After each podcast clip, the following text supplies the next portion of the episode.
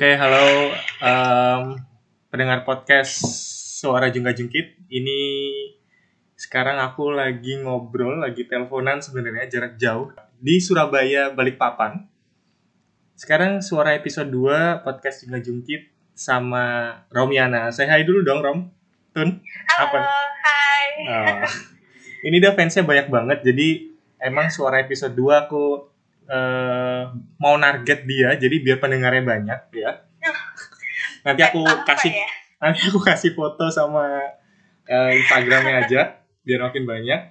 So di suara episode 2 kali ini sebenarnya aku mau bahas simpel aja sih tentang puasa bersama keluarga dan momennya kan memang lagi di rumah aja ya jadi Hmm, nggak banyak aktivitas di luar nggak banyak main ke mana-mana bukber juga jarang lebih hemat berarti ya eh, tergantung. ada on Buka puasanya di rumah. iya. Hedon juga. i- iya sih. Eh tapi sekarang ada bukber online juga loh. Oh iya ya, yang pakai zoom gitu ya. iya. Aneh-aneh. Itu makannya gimana ya? Kayak makan sendiri-sendiri tapi pakai zoom gitu ya? Kayaknya sih gitu, belum pernah nyoba sih. nanti bisa dicoba. Oh iya. Gimana kabarnya Tun? Kita udah lama banget ya ketemu. Lama banget. Bener-bener lama iya, lama banget. Kapan ya terakhir ketemu gitu? eh kayaknya waktu pas 2019 kayaknya ya, iya setahun sih ya lumayan lah ya tahunan ya. Iya, lumayan. Soalnya ini Lintang juga sahabat aku dari zaman maba. Dari tahun 2014 datangnya kita kenal. iya udah enam tahun enam sampai tahunan sekarang gitu. sampai sekarang udah makin alhamdulillah sibuk aja gitu ya Lintang sekarang. iya iya sibuk masing-masing sih nyari cuan Oke, kabar baik sih, alhamdulillah, alamin, sehat. sehat semua ya keluarga bagaimana Ah. sehat semua Alhamdulillah sehat. aman Semoga terus diberikan kesehatan ya buat kita semua. Amin sama-sama sehat kan keadaannya pandemi ya. betul betul banget dan jadi susah ke mana-mana susah buat gerak jadi Iya, benar. kita nyari hal-hal produktif yang bisa kita lakuin dari rumah ya nggak sih Benar-benar banget. Eh, gitu oh iya Em, gimana puasanya ini udah hari ke berapa sih ke jalan keempat ya Ya, ya, ini udah mau malam keempat. malam keempat gimana puasanya nih dari hari 1 sampai 3 udah minum es teh Eh, di jam udah minum es teh jam 12 siang tadi pagi, tadi siang sih uh, pengennya makan mie ayam karena abis ngeliat postingan Instagram foodies foodies itu bikin nggak kuat gitu. Ah, pengennya sih. Tapi lo enggak ya. gatel ya kalau misalnya siang-siang gitu Gatel. Makanya kadang buka Instagram itu harus bisa filter karena kalau nggak filter pas ngeliat makanan itu jadi dosa juga kayaknya. bener juga tuh tapi kayaknya kalau Ramadan gini tuh Instagram foodies tuh rame banget loh Kenapa? kalau Ramadan sekarang tuh Instagram Instagram foodies tuh rame banget diliatin viewersnya banyak terus Iya. ngeliatin orang-orang mukbang gitu ya Iya bahkan sambil puasa sambil nonton YouTube kayaknya mukbang. gimana puasa hari 1 sampai 3 lancar alhamdulillah Alhamdulillah lancar. Aman jaya ya. Masih hari ketiga juga kayaknya belum ada kesandung macem-macem gitu ya harusnya Iya sih belum karena memang juga eh, dari selama sebulan ini kan kemarin kan sebelum Ramadan kan juga bulan Syahban. Mm-mm. Jadi memang udah banyak mempersiapkan lebih banyak puasa sih sebelum Ramadan juga. Jadi udah alhamdulillah sih udah pada saat bulan Ramadan ini lebih kayak udah karena udah sering puasa juga sama Hmm. Jadi udah latihan dulu ya sebelum masuk ke Ramadan Iya. biar nggak kaget biar nggak kaget Iya karena saya perutnya ini Pak ya. iya agak Nggak Mem- suka rewel makannya banyak iya kan. melihara dinosaurus ya Anaconda. anaconda juga di dalam jadi Mungkin- dulu. mungkin nanti di tengah-tengah itu baru dinosaurus anacondanya beranak dan berteriak-teriak di dalam perut ya kalau di tengah-tengah eh, Ramadan hari ke-10 ke-15 itu udah Iya. mulai Biasanya bawaannya pengen mokel ya, Bang. iya benar benar banget tapi jangan dong ini pendengarnya baik-baik harusnya Oh iya ya, amin amin. biar nanti ya. hal-hal buruk-buruk jangan dibuka dulu di sini Iya, jadi nanti ntar pada alasan lagi. Loh, kenapa kamu eh, kok? Eh. Yang ini soalnya ini harus dengerin podcastnya Lintang nih. Gitu. Wah kacau juga gitu. jadi jahat kita jadi jahat Iya. oh iya Kalau kamu gimana? eh, Puasa? puasa di hari ke-1 sampai sekarang lancar alhamdulillah karena Hmm. di rumah aja jadi kan eh, ada ritual khusus. Jadi oh iya setelah benar. setelah sahur nggak tidur nih mikirin konten buat podcast, ngetik skrip, terus tidur bangun-bangun udah asar. udah sore Udah asar, udah sore. mau Bener. Dan kayaknya puasa sekarang jadi agak susah ya buat nyari takjil. Jadi mau Iya, nggak mau harus masak ya nggak sih atau uh, ojol-ojol itu beli pesan Iya, online. sih. Karena emang di sini juga kan lo kan Balikpapan juga masuk dalam red zone ya dan Mhm. eh, apa namanya transportasi kan juga udah ditutup. Mm-mm. Jadi jalanan juga sepi. Terus kayaknya orang-orang pada mikir juga sih kalau mau jualan kan. Cuma Hmm. kadang kasihan juga sih sama mereka yang penghasilannya setiap bulan Ramadan justru malah lebih banyak karena harus jualan kan. Iya, benar. jadinya menurun kasihan juga. Uh, biasanya kan rame banget ada jualan es dadakan, jualan jajan. Kalau Gitu. sekarang ini ada juga yang bisa dibuat dari rumah, sebundal gandul. Aku aku belum pernah denger tuh yang itu tuh. Apa tuh? Aku belum pernah denger ya. Iya tuh. Itu dalgona gandul itu loh. Oh dalgona ya Tuhan. Kayaknya yang apa ba- aksennya Balikpapan tuh beda ya sama Iya, Surabaya. aksennya ya. Banjar, si Banjar masih gitu.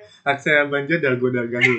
Guys, namanya bukan dalgona tapi dalgondal gandul ya. Ini dari Romiana ya. Kalau kamu sendiri kan sekarang di rumah nih, sempat di Mm-mm. Surabaya juga. Tapi nanti kita akan bahas eh, kamu yang di Surabaya, tapi kita bahas yang di Balikpapan dulu. Eh, Mm-mm. ada apa ya kayak ritual khusus atau misalkan hari pertama sahur nih harus harus makan mie mie instan rasa soto misalkan atau buka puasa harus pakai dalgona gandul tadi gitu. Ada ritual-ritual Kalau khusus nggak gitu? Ritual sih enggak ya, karena kalau di rumah sih eh, rasanya beda kayak di Surabaya. Kalau di Surabaya kan anak kos, Hmm. kita nyari sendiri gitu kan. Hmm. Kalau di rumah kan kebanyakan karena memang di rumah itu yang eh, yang tinggal di rumah itu banyak ada sepupu juga. Hmm. Jadi variatif emang makanannya kadang ya mama itu masak pasti macam-macam. Eh, terus Hmm. ada kolak itu wajib sih kalau di rumahku pasti Hmm. ada kolak minimal kalau nggak kolak itu kayak es buah itu pasti udah dibuatin sama eh, sama mama kayak gitu Hmm, hmm, hmm. Itu Jadi kalau kan- misalkan ada gimana? Gimana? Ini ini tabrakan nih ngomongin nih. kamu dulu, kamu dulu. jadi sorry ya nggak batuk Iya, Nggak apa-apa. cuman keselak kayak gini Oh, ini batuknya nggak berbahaya kan ya? oh enggak Oh, enggak. Kesel kok. keselak aja ya jadi sebenarnya kalau untuk di rumah sih pasti ada kolak makanan itu pasti ada kolak Hmm. untuk buka puasa terus kalau sahur sih sebenarnya nggak ada yang harus makan apa gitu Spesifik ada. gitu nggak ada ya? yang mm, tapi lebih ke kayak pas pada saat buka puasa sih harus Oh. ada kolak takjil tuh juga ada sama pasti makan berat ya sih macem-macem yang jelas sih harus ada lauk pauknya kayak ikan ya ikan tuh masih ada Wah, Gitu. di di Kalimantan terkenal sama ikan-ikanan juga nggak sih? iya seafoodnya seafoodnya fresh sih, Lebih seger emang banget gitu ya? langsung ngambil dari laut karena kan kalau Balikpapan sendiri kan pesisir Hmm, hmm, hmm. jadi emang eh, dari nelayan langsung dibawa ke pasar itu masih fresh semua Masih fresh banget. Nah, kalau kamu sendiri lebih prefer kalau eh, makan buat buka atau sahur itu mending masakan nyokap nih atau Mhm. beli nih? Soalnya nih guys teman-teman kalau misalkan kalian eh, ngelihat storiesnya di @romianar itu, itu storiesnya isinya makan semua. Isinya makan semua. Jadi ini sebenarnya food blogger juga. Di stories isinya makan semua guys. private food blogger Gimana kalau lebih senang beli di luar atau masakan rumahan atau gimana tuh? sebenarnya sih tergantung mood kalau aku kalau masalah makanan jadi kalau di rumah Hmm. mau puasa atau nggak puasa mama pasti masak cuman pasti aku makan di rumah kadang kalau misalnya cuman karena aku makan sekali itu kadang nggak cukup Oh iya Jadi- bisa bisa di share juga kira-kira kalau Ibu Romiana ini makan sehari berapa kali? Eh, minimal sih tiga kali cuman kadang pernah tembus sampai lima kali itu makanan berat Itu berat ya. Gila. Itu belum nyemil Iya. teman-teman. Itu belum nyemil. udah kayak kan boy pun aku makan banyak tapi nggak nggak gendut gendut Nggak mungkin pasti nambah berat. iya sih alhamdulillah nambah udah nggak kayak kurus krempeng kayak dulu zaman kuliah Ya lebih happy sekarang ya. Iya, lagi happy. Oke. Alhamdulillah mungkin, mungkin udah deket sama keluarga kan, nggak Hmm. jauh kayak dulu. Jadi pikirannya udah gak kepecah-pecah. Hmm, oke. Ah, ini Kalau suka, mm, kalau di eh, puasa nih kan itu tadi kan biasa ada masakan-masakan nyokap yang khusus dimasak di puasa kayak kolak. Itu kolak pas eh, jarang banget ada di hari-hari biasa. Es buah mungkin atau kue-kue kering. Nah, yang paling kamu kangen dari masakan nyokap pas Ramadan nih apa nih? um, yang paling kangen sih kolak eh, kolak bubur kacang hijau apa ya kolak atau bubur kacang hijau namanya jadi kolak kacang hijau jadi kadang itu kalau mama bikin kacang hijau itu dicampur sama kayak pisang kayak gitu Hmm. sih kadang campur singkong. Itu maksudnya kayak tradisional food banget kan. Tapi Hmm. taste-nya itu beda gitu loh. Kalau mama yang buat bubur kacang hijau. Jadi kalau misalnya di Surabaya mau cari bubur kacang hijau atau kolak kacang hijau kayak buatan mamaku tuh kayaknya susah banget. Kadang aku harus bikin sendiri karena di Surabaya biar taste-nya itu mirip-mirip gitu. Oh. itu yang paling dikangenin. Sempet nyoba masak-masak eh, kolak juga waktu pas di Surabaya. iya dong udah pernah. Bahkan sampai satu panci besar bisa dibuat makan satu kota Itu niat ya banget sih. karena emang suka makan juga kan jadi eh, salah satu alternatifnya harus bisa masak apa yang pengen dimakan gitu. Ah. selama emang bisa makan di masak di kos Oke oke. Eh bubur kacang hijau sama kolak itu nyampur. Sebenarnya rasanya nggak bakal nggak enak sih karena kan kuahnya kan memang dari gula merah ya nggak gula sih? merah bener Eh, cuman isinya lebih rich, lebih variatif kaya ya, aja gitu kan, lebih variatif variatif. banget karena Hmm. emang kalau di rumah kan ya udah pasti masaknya sesuai dengan keinginan kan dan Hmm. pasti juga lebih puas makannya Hmm. Kalau masakan Terus khas paling- Banjar ada nggak? kalau Banjar Itu tadi udah Banjar kue atau belum? kue talam cuman aku bukan orang Banjar sih jadi eh, nggak terlalu banyak makanan Banjarmasin cuman biasanya sih kalau di rumah itu ada kue talam kue talam itu artinya dia itu kayak kue Mm-mm. eh, talam itu semacam nampan bukan nampan sih kayak alasnya itu kayak Ah, makan itu talam Lebar gitu ya? kayak nampan gitu Kue talam. Belum bentar ya bentar ada apa Oh iya, Ah, ada papanya guys. Jadi ini nggak bakal di-cut, jadi dibiarin aja karena masih 12 menit. jadi dibiarkan agak kosong aja. Oh ya, sambil promosi buat teman-teman eh, pendengar podcast Junga Jungkit, kalau misalkan mau cerita-cerita, sharing-sharing di masa kosongnya waktu Ramadan ini. Oh ya, FYI teman-teman, ini tadi kita janjian jam 4 sore karena ada yang ketiduran sampai mau buka puasa, jadi baru dilaksanakan ini jam 8 malam waktu Surabaya. Kalau Balikpapan jam 9 ya? Balikpapan jam 9 Jam 9, jadi kita ada rentang satu jam nih. Mm-mm. Rentang satu jam dan karena ini tadi sebelum FIA juga nih kegiatan di rumah lagi padat Karena- banget ya.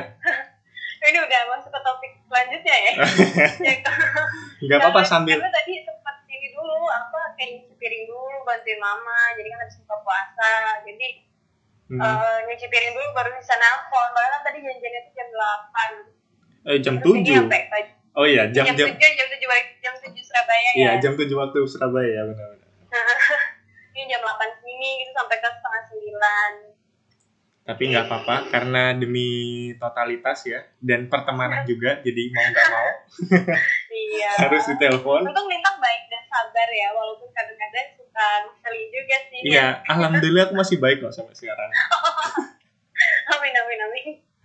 Oh iya, tadi kan soal makanan ya, aku nggak bakal beranjak dulu dari makanan karena Hmm, penasaran juga. Pasti kan ada perbedaan antara makanan-makanan saat di rumah dan makanan-makanan yang eh, kau makan pas Ramadan waktu kamu di Surabaya. Karena Romiana ini satu kelas guys sama aku, satu kampus juga, satu jurusan, dan dia kuliahnya dan berkarir di Surabaya lumayan lama, lumayan.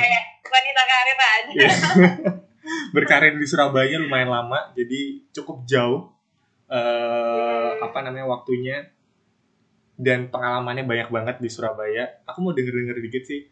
Di Ramadan ini eh, Hmm. ada nggak makanan yang kamu kangenin dari Surabaya? Oh banyak. Banyak. Ini boleh sebut merek sih? Oh boleh dong, nggak apa-apa, nggak apa-apa. Siapa tahu nanti dia mau iklan juga di sini. amin amin amin. Jadi kalau untuk makanan yang di Surabaya yang aku, karena kebanyakan aku kangenin itu yang nggak ada di Balikpapan. Contoh kayak mie setan, kober mie setan itu Oh di Balikpapan nggak Iya, ada?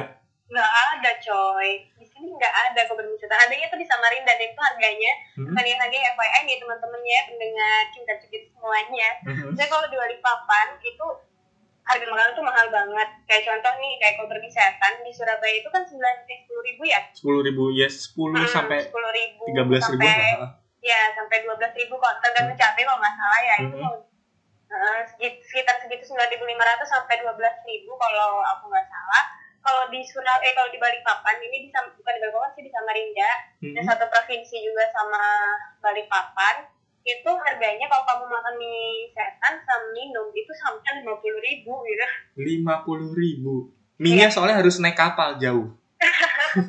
mie nya mie, nya harus ini sendiri bahannya kayaknya Oh, harus naik kapal Oh, ta- tapi ada ya? rasanya ada di Samarinda tapi ya. Di Balikpapannya belum ada ya. di Balikpapan yang belum ada rencananya sih mau buka cuma nggak tahu nih ada yang mau makan ya kalau aku buka di Balikpapan sih siapa Wow. tahu nih yang punya yang punya koper mie setan langsung kontak ya kan Iya, eh, yang yang punya kober setan semoga mendengar ini karena Balikpapan butuh kober ya. Harus merasakan pedasnya kober setan eh, orang-orang Balikpapan. Apalagi nih selain kober? apalagi ya yang Sate Kalau mungkin kalau atau sate di sini kurang lebih sih sama sama ya. Oh, rujak cingur Ah iya, itu Surabaya banget sih sebenarnya nggak ada di mana-mana. awalnya dulu aku nggak suka sama rujak cingur karena kan aku biasa makan gado-gado di sini tuh namanya gado-gado rujak ulek gitu Gado-gado Nah. rujak ulek. Bedanya ya apa tuh? kalau di Su- kalau di Surabaya kan rujak ulek alias Ah. rujak cingur kalau di kalau di Surabaya namanya gado-gado kan gado-gado siram kalau aku namanya Oke, oke. ya jadi ada perbedaan konteks di sini Heeh. terkait dengan nama makanannya kalau di sini gado-gado itu yang diulek kayak rujak cingur cuman kalau di rujak cingur kan dia banyak petis Mhm. ya kan kalau di sini tuh nggak nggak sebanyak itu jadi kayak kacang gula merah petisnya dikit doang jadi lebih ke ke gado-gadonya gula-gula Madura gitu. Ah, oke, oke, oke. Tapi bumbunya tetap coklat di- gitu ya? iya coklat. Kalau di Surabaya kan agak Agak agak putih ya, agak hitam. hitam ya betul. hitam. Iya gitu lah ya. Hmm. nah itu sih yang aku kangen karena eh, awalnya emang nggak terlalu suka. Cuman karena emang nggak ada pilihan gado-gado di Surabaya dulu Mhm. Jadi akhirnya kalau setiap pengen gado-gado aku pasti beli rujak cingur. Ternyata pas balik ke Balikpapan malah pengen rujak cingur kayak gitu sih. Malah di Balikpapan pengennya rujak cingur. Iya. Dulu nggak pengen, nggak nggak suka malah terus lama-lama kayak aduh kangen juga ya makan rujak cingur gitu karena beda banget sih 180 derajat taste-nya Hmm, hmm, jelas beda karena biasanya kalau ada rujak cingur yang di luar Surabaya itu taste-nya tidak se strong Iya, yang Mbak. dijual di Bener, Surabaya ya bener, nggak sih? Sama kayak tahu tek juga beda loh Iya, sih di sini. betul banget. Kayaknya rasa-rasa rasa-rasa Surabaya kalau dibawa keluar itu berkurang sedikit. Ya, aku, aku Iya, kurang tahu sih. bener. Tapi Hmm. kebanyakan kayak gitu. Oke. Mhm. Ah iya. Em, dari Ramadan di Balikpapan sama menjalankan Mhm. Ramadan di Surabaya sudah pernah menjalankan dua-duanya. Perbedaannya kan sudah pernah kan sekarang lagi menjalankan Ramadan di Balikpapan. Hmm. Terus sudah pernah merasakan Ramadan di Surabaya. Nah, Mhm. perbedaan yang paling kerasa apa sih? perbedaannya jelas kalau di Balikpapan karena ada keluarga sahur itu makan langsung makan gitu kalau di Surabaya kan udah jadi anak kos jadi harus keluar beli makan atau at least panasin makan sendiri atau masak sendiri aku biasa kalau di Surabaya di Surabaya dulu Mhm. pada 18 itu aku biasanya cuma masak telur gitu karena nasi sama Hmm. telur yang penting sahur Mhm. karena kalau kalau kayak masak-masak yang ribet gitu kan kadang mau bangunnya aja tuh udah kayak Susah ya, berat ya. gitu. Berat mau bangun aja itu berat. udah itu udah usaha yang penting sahur gitu kalau Hmm. di kalau di Balikpapan alhamdulillahnya sih maksudnya kayak karena masaknya itu malam Hmm. Hmm. gitu kalau di rumah biasanya masaknya malam Hmm. terus nanti pada saat sahur tinggal dipanasin jadi pada saat sahur udah tinggal makan enak sih di situ terus Hmm. itu kalau sahur ya kalau Iya. buka puasanya juga pasti beda karena kalau di Surabaya kan kalau misalnya nggak ada acara buka bersama sama teman-teman kampus atau teman-teman organisasi pasti makannya sendiri atau sama orang gitu itu kan yang tidak bisa disebutkan namanya ya dulu betul Nah, kalau di rumah pastinya apalagi sekarang pandemi Hmm. jadi lebih banyak di rumah dan itu rasanya lebih enak karena kayak rame iya terus yang harus rebutan makanan dulu sama ponakan gitu sebenarnya nggak rebutan sih cuman kayak suka aja godain ponakan itu maksudnya ada suatu hal aktivitas di mana ketika kita makan belum Hmm. makan gitu menunggu Mhm. buka puasa itu yang seru aja gitu. Kan ramenya tuh apa ya? Bener beda rame. sama rame yang sama teman-teman di Surabaya ya. Mm-mm, lebih perbandingannya. lebih hangat gitu. Bener-bener bener banget. Kalau di Surabaya kan kayak ya udah you live ya you live uh, by yourself you live alone gitu. Kayak ngerasa udahlah sendirian doang gitu. Iya sendiri-sendiri gitu. Eh ada nggak sih pesan-pesan dari kamu buat teman-teman di luar sana yang kan sekarang nggak boleh mudik tuh ya nggak boleh pulang kampung juga. Buat ada nggak sih pesan-pesan dari kamu buat teman-teman yang stay aja di kosan nggak bisa pulang ke kampung halamannya harus sahur sendiri harus buka puasa sendiri kan agak kasihan. Mungkin ada hal-hal yang bisa kamu sampaikan untuk mereka? Waktu dan Eh, tempat tetap- dipersilahkan ibu. Oke. Tetap semangat buat teman-teman semuanya.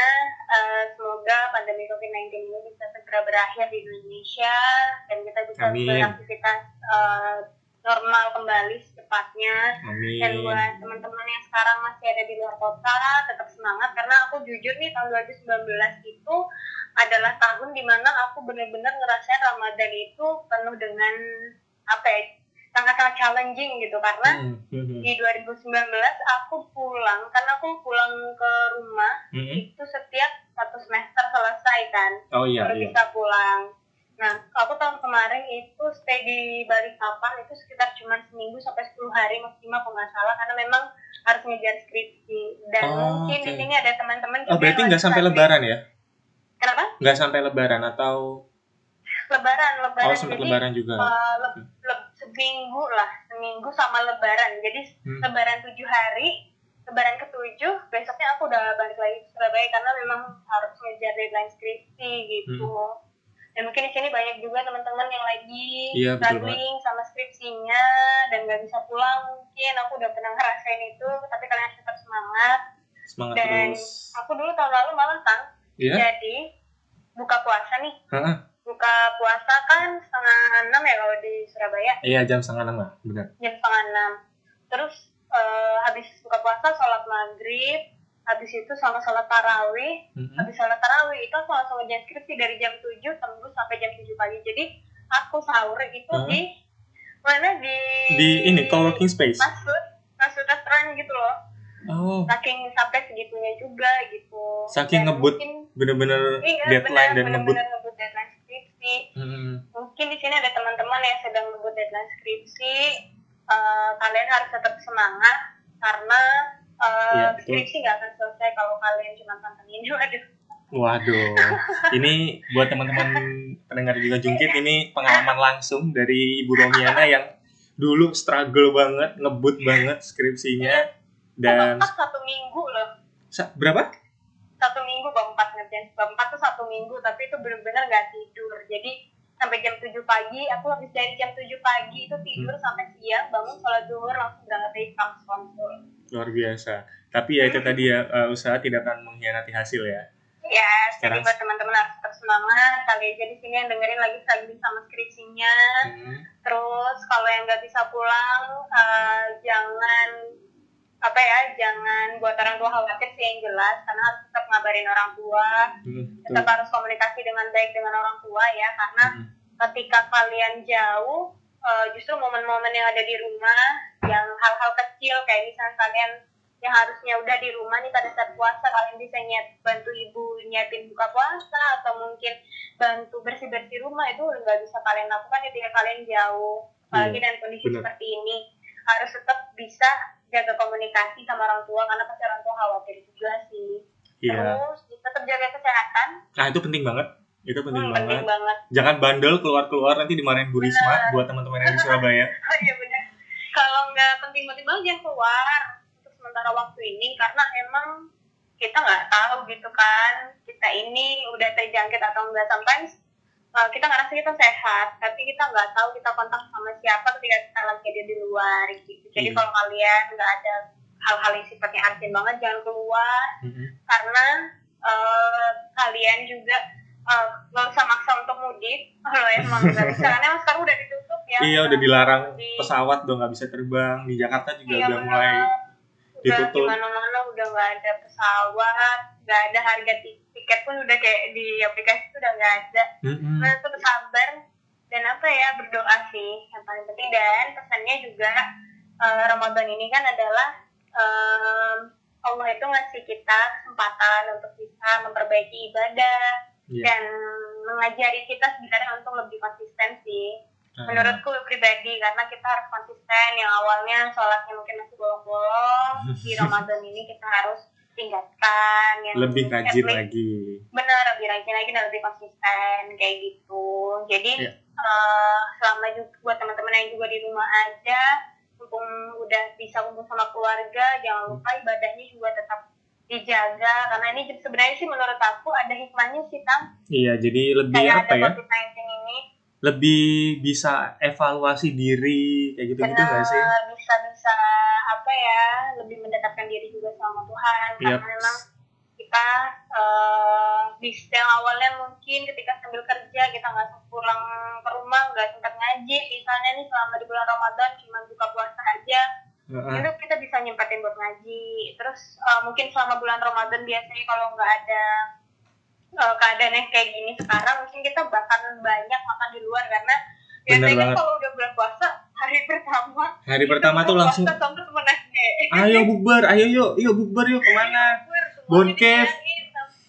iya kan sampai lupa buat buka puasa di rumah Betul. kan momen Ramadan itu adalah momen di mana kehangatan keluarga itu benar-benar kerasa gitu kan jadi ya Yes. benar-benar dinikmatin buat teman-teman yang lagi ada di rumah kayak Mhm. gitu Benar karena banget. dia jarang juga kan mungkin Hmm. bisa berkumpul sama keluarga di waktu yang lumayan lama kayak gitu jadi apa pun kondisinya tetap disyukurin dinikmatin tetap eh, dijaga ibadahnya Hmm. sholatnya Iya. sama kesehatannya makan sama minum vitamin juga jangan sampai drop Iya. dan jangan terlalu banyak begadang juga nih ini Mbak Bintang juga Oh iya, iya. Ini soalnya imunnya harus dijaga ya. harus tetap dijaga Gimana karena kan ini juga kan ada eh, informasi yang kita nggak tahu sih kayak gelombang kedua second wave gitu kan Ah iya iya iya itu itu ada jadi tuh. harus hmm, harus tetap menjaga kesehatan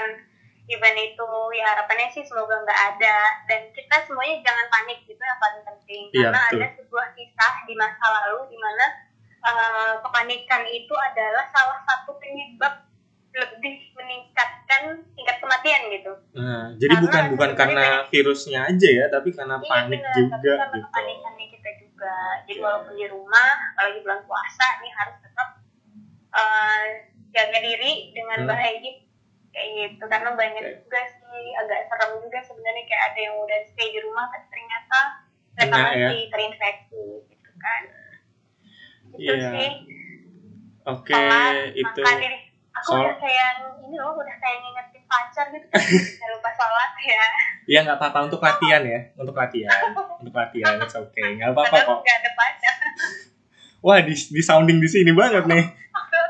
Tenang aja. I- Ini nggak bakal dikat lah, tenang aja. So, buat teman-teman pendengar juga nyekit itu tadi eh, sharing-sharing sama temanku, teman dekatku Romiana yang di balik papan sana tentang pengalaman puasanya. Tadi juga dikasih apa namanya pesan-pesan buat teman-teman yang di rumah yang lagi struggle, nggak bisa pulang, tetap semangat, jaga kesehatan, patuhi rambu lalu lintas ya. Dan- arahan pemerintah. Ya patuhi arahan pemerintah Pemerintah maksudnya itu. sumpah. Karena Bu Risma galak tapi galaknya ada manfaatnya. Oke. Ini Bu Risma denger loh ntar. Oh iya nggak apa-apa Bu. Salam hormat dari saya Bu Bintang. Oke, Tun terima kasih banyak udah menyempatkan waktunya. Ya, iya, sorry ya kalau sempat telat. Kita janjiannya jam 4 gitu. Tapi Ah, ya, It's okay. namanya It's kalau di okay. rumah itu ada hal-hal yang nggak bisa terprediksi karena Iya, namanya benar, orang tua minta tolong Hmm, itu kita nggak boleh nolak Iya, baru aja rebahan udah Rom, Iya. nyapu. tapi nyapu kamu kenapa kalau nggak ngelap ini nggak ngelap meja ya mah bukan ngelap meja lu tuh cucian tuh belum ngelap meja Ya, Aduh, itulah itu Ya. itu dialektika selama di rumah dan dekat dengan keluarga tuh pasti ada kayak gitu-gitu. iya sih biasanya anak pasti ngerasa kayak pusing gitu aduh Mhm. ini belum satu, satu belum selesai nambah lagi tapi ini kalian pesan juga ya Oh iya, lagi. Oke. buat teman-teman eh, apa pun selama teman-teman di sini mungkin yang lagi ada di rumah nih teman-teman harus bersyukur masih bisa bantuin orang tua karena banyak teman-teman juga di luar sana yang nggak bisa pulang Iya, betul jadi banget. kalau misalnya ada hal yang sifatnya kayak misalnya nggak urgent-urgent banget bisa nanti eh, nanti dulu kalau memang orang tua yang minta tolong harus ditambahkan dulu orang tuanya kayak gitu ya jadi Benar harus banget, eh, banget. tetap bisa apa ya karena hal-hal kecil kayak gitu itu juga sudah ngebantu mereka gitu karena paling Hmm. membantu ibu kerjaan orang tua itu terutama ibu itu sangat berat di harus bisa saling meringankan jadi biar Oke. imunnya tetap terjaga semua biar Lebih sehat, rumah Imunnya makin kuat gitu. Ah, benar karena kalau bahagia kan anaknya bantu di rumah kan pasti ibu bahagia iya, gitu. betul. Ibu Hmm, bahagia, nah. Oh iya, ini kayaknya bagus juga eh, tema bantu orang tua di rumah karena eh, mungkin apalagi kita ya anak-anak muda sering banget miss dengan hal-hal kecil kayak gini padahal itu punya impact yang gede banget even buat orang tua masing-masing. Kita akan ngobrol-ngobrol lagi di suara episode di episode yang lain. Dikip dulu. oke Oke, kita keep dulu pembahasan ini. So, eh, pendengar juga Jugit, sekali lagi terima kasih. Romiana, terima kasih banyak sudah menyempatkan waktunya. Ini sudah closing ya, Bu? oh iya biasanya kalau kita kan suka lanjut aja terus iya, benar. oh enggak Oke. monggo ya Eh, monggo monggo Oke, buat teman-teman juga Jungkit dan pendengarnya juga Jungkit juga, teman-teman Romiana kalau misalnya dengerin, eh, jangan lupa Junga Jungkit ada YouTube, Junga Jungkit Podcast, ada Instagram juga, podcast Juga Jungkit. Mungkin Romiana mau promosi sesuatu di sini karena ada usaha barunya. Oh, Mudah-mudahan iya, didengar. Iya, jadi alhamdulillah ini sebenarnya sih sama ya kayak Lintang ya usahanya baru buka juga. Hmm.